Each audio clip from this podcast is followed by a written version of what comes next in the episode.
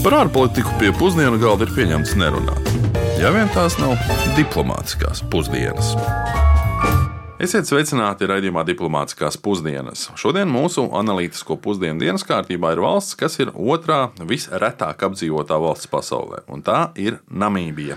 Nu, vai arī kāda oficiāli sauc Namībijas republika. Un tā tiešām ir visretāk apdzīvotā valsts pasaulē, uzreiz pēc Mongolijas. Namībijā dzīvo apmēram 2,7 miljoni iedzīvotāju, ņemot vērā valsts platību, sanāk 3,2 cilvēku uz vienu kvadrātkilometru. Bet domāju, ka mūsu klausītāji šo valstu varētu zināt pēc tās alpo aizraujošām un unikālajām ainavām. Un tās kalpoja arī daudzu zināmu filmu uzņemšanas vietām.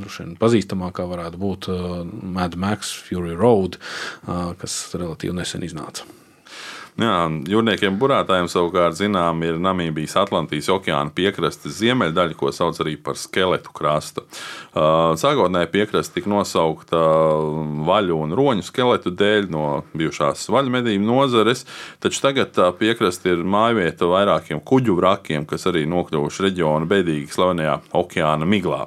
Un Portugāles jūrnieku apgabalu sauc par Elles vārtiem bet Namībijas bušmeņi to dēvē par zemi, ko Dievs radījis dusmās. Nu, un vēl viens iemesls, ar ko valsts ir komiski zināma, un varbūt kādam būs dzirdēta, ir fakts, ka ASV iepriekšējais prezidents Donalds Trumps nevarēja izrunāt valsts nosaukumu Namībija. Nu, viņš esot divas reizes Namībiju nosaucis par Nambiju, un, nu, protams, izraisot ļoti daudziem smieklus. Nu, es tikko sapratu, ka ja mūsu pusdienas sākumā ir iemesls pirmajiem diviem tostiem, jo nu, tas tā vadoties pēc kāda mūsu klausītāja ieteikuma pacelt glāzi katru reizi, kad savā raidījumā mēs pieminām vai nu burāšanu vai kino. Nu, tā tad esam godam izpildījuši šo mūsu tendenci arī šoreiz. Bet, um, ko tradicionālajām vērtībām pieturamies regulāri. bet ko tad par Namībijas republiku zina sacīt mūsu klausītāji, to tūlīt dzirdēsim. Ar ko jums asociējas Namībija? Namībija, nu, principā ar tādu diezgan agresīvu režīmu savā reģionā. Mūžīgi pretestības, mūžīgi kaut kāda pilsoņu kara un tā tālāk. To es, ko es saprotu no, no tās, to, tas ir dzirdēts jau vismaz. Mm. Vairāk neko nezinu, diemžēl neesmu tur bijis. Nevar neko vairāk pastāstīt. Āfrika? Āfrika, jā, Namībija. Nu. Nu, droši vien trūcīga valsts, ar netika varbūt pieprasītu turismu vai populāru? Namībija ir Āfrika. Tumšādienas cilvēki, sievietēm ir tās augstās galvas segas, tādas interesantas. Jā. Nu, daba, protams, tu tūkstneši, degunraģi un vispārējais. nu, Namībija nu, tā ir lejā Āfrikā. Laikam. Bet arī nu, diezgan tāda ne, nepārāk attīstīta valsts. Nu, Namībija noteikti, man liekas, ir Āfrikā. Cik jau nu tās geogrāfijas atceros.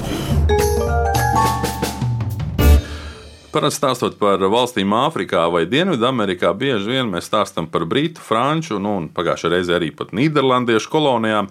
Bet šodien mēs parunāsim par ko mazāk zinām par Vācu koloniju. Namībija kļuva par Vācijas koloniju 1884. gadā Otto von Bismarka vadībā, kad Vācija atradās.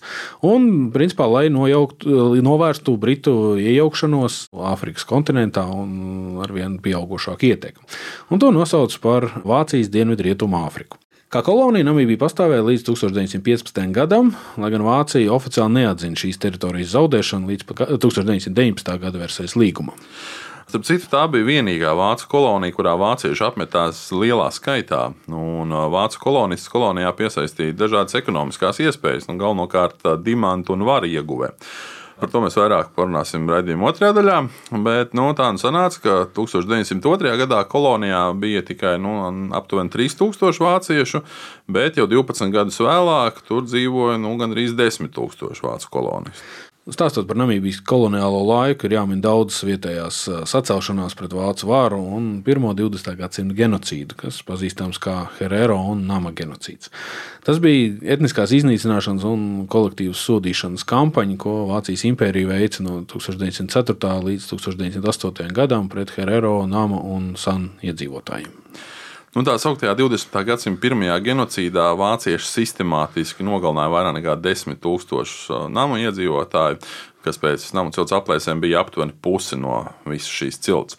Aptuveni arī 65 000 herero, tas bija apmēram 80% no herero iedzīvotājiem, Nu, pārējā daļa, kas bija izdzīvojušie tikai pēc 1908. gada, tika atbrīvoti no apcietinājuma, un viņi tika pakļauti īpašuma atsevināšanai, deportācijām, piespiedu darbam, rasu segregācijai, diskriminācijas politikai, politiskajā sistēmā, nu, kas daudzajā ziņā iespaidoja arī Dienvidāfrikas 1948. gadā izveidoto apartīdu.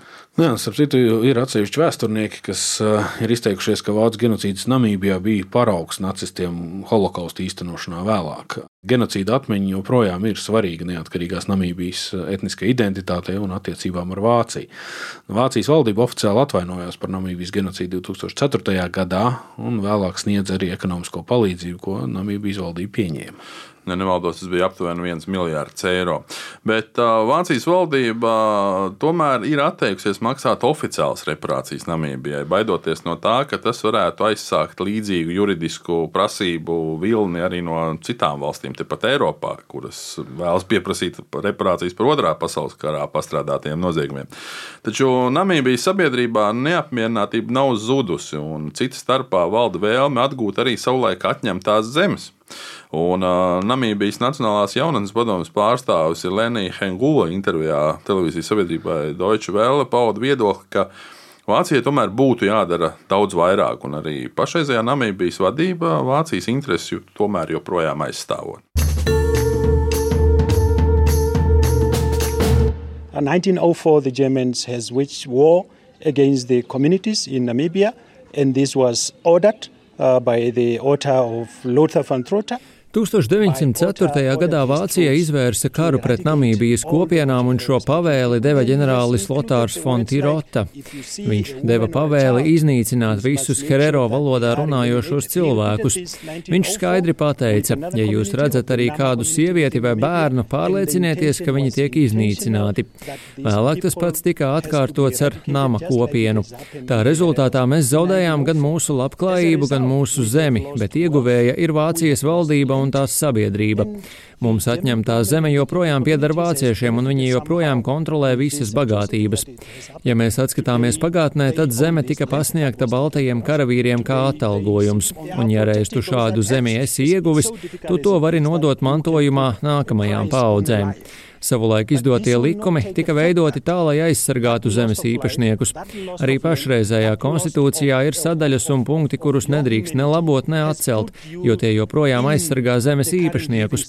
Un faktiski tas nozīmē, ka arī Namībijas valdība pašlaik šos cilvēkus aizsargā.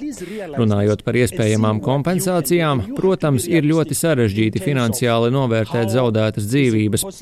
Atņemtā dzīvība, zeme un bagātības ir noveduši cilvēkus tajos dzīvības dzīves apstākļos, kādos viņi dzīvo pašlaik. Mēs aicinām otru pusi, kas no tā visa gūst labumu, izvērtēt, kā viņi var palīdzēt. Ir jautājums, kā šis piešķirtais miljards eiro palīdzēs šīm daudz zaudējušajām kopienām piecelties. Runājot par genocīdu, protams, Namībijas valdība pie tā nav vainīga. Atbildība ir jāuzņemas Vācijas valdībai. Ir nepieciešama oficiāla atvainošanās un ir nepieciešams izmaksāt reparācijas. Pēc tam, kad tas tiks izdarīts, mēs jau varēsim runāt ar Namībijas valdību par to, kā palīdzēt cietušām kopienām izkļūt no tās situācijas, kurā viņas pašlaik dzīvo. From the current level of life they are living. Bet skatoties uz tālāko valsts attīstību, tad beidzoties Vācijas varai 1915. gadā, pēc Pirmā pasaules kara beigām, Nāciju līga pilnvaroja koloniju pārvaldīt Dienvidāfrikai, kas tad arī sakāva vācieši.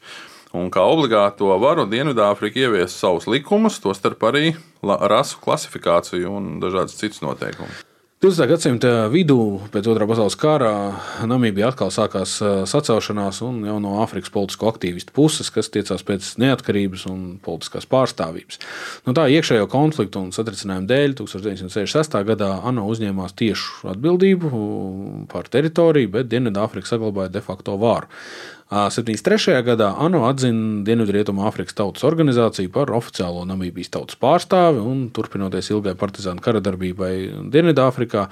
1985. gadā Namībija izveidoja pagaidu administrāciju. Tikai 90. gadā Namībijai beidzoties kara darbībai ieguva pilnīgu neatkarību no Dienvidāfrikas un ieguva savu patstāvību. Nu, apskatot šo asiņaino vēsturi, rodas jautājums, nu, kā tad Namībijas valsts ekonomika reāli funkcionē. Patiesībā valsts ekonomika ir ļoti atkarīga no minerālu iegūves un pārstrādes eksporta.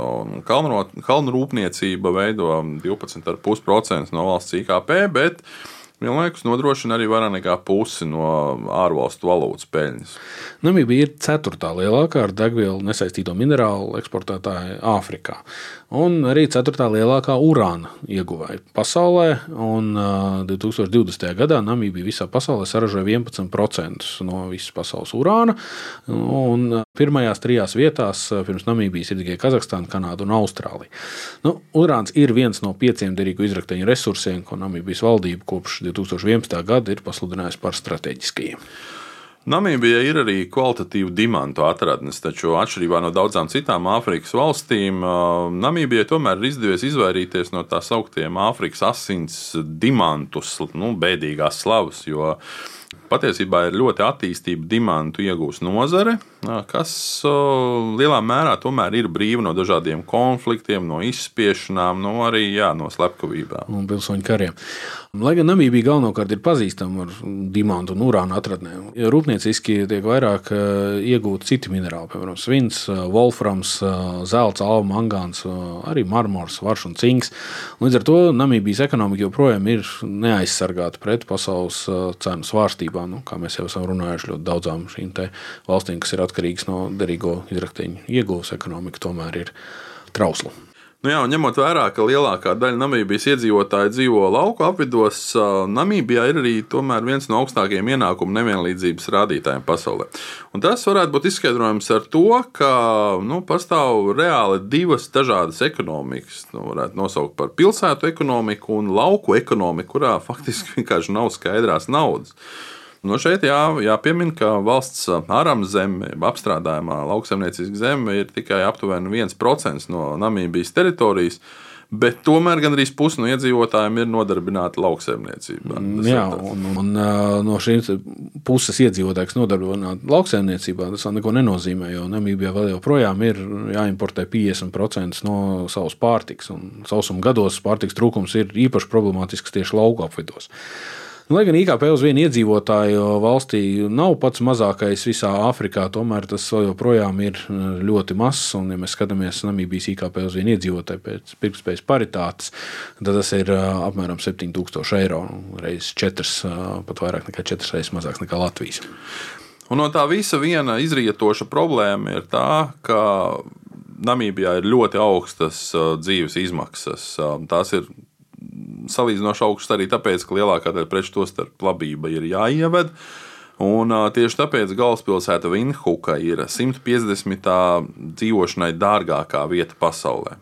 Nu jā, 150. vieta globālā mērogā skatoties, ir patiešām iespaidīgs, iespaidīgs rādītājs. Ceļš ņemot vērā, ka visas pārējās valsts kopējais IKP ir, ir tik mazs un iedzīvotāju ienākumu līmenis ir, ir, ir tik mazs. Bet nu, atkal šīs galējības, Namībija acīm redzot, ir viena valsts, kur vismaz makroekonomiski raugoties, galējības ir īpaši, īpaši izteiktas. Lai cik būtu paēdis, vienmēr ir vieta arī desertam. Un laiks ir arī desertam, un parunāsim par ko smilšainu un uh, sausu, kas īstenībā angliski no īsta deserta atšķiras tikai ar vienu burtu. Nu, noteikti daudziem klausītājiem nāk prātā smilšu mīkla, dažādi deserti, kas no tās nāk. Bet, nu, jāsaka, gan, ka mēs runāsim par uh, smilšu piepildīto karsto tuksnesi un smilšu kāpām.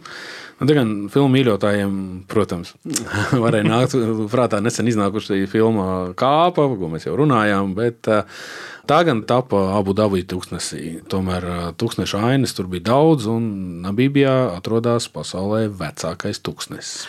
Jā, Namībijas tūkstnesis stiepjas gar Namībijas piekrasti līdz pat Angolai, un tiek lēsts, ka šī teritorija ir bijusi sausa vismaz 55 miljonus gadu, padarot to par senāko tūkstnesi pasaulē. Jā, mēs runājam par Antarktīdu, ka tas ir viens no senākajiem tūkstnešiem pasaulē, bet nu, Namībijas acīm redzot pārspēja.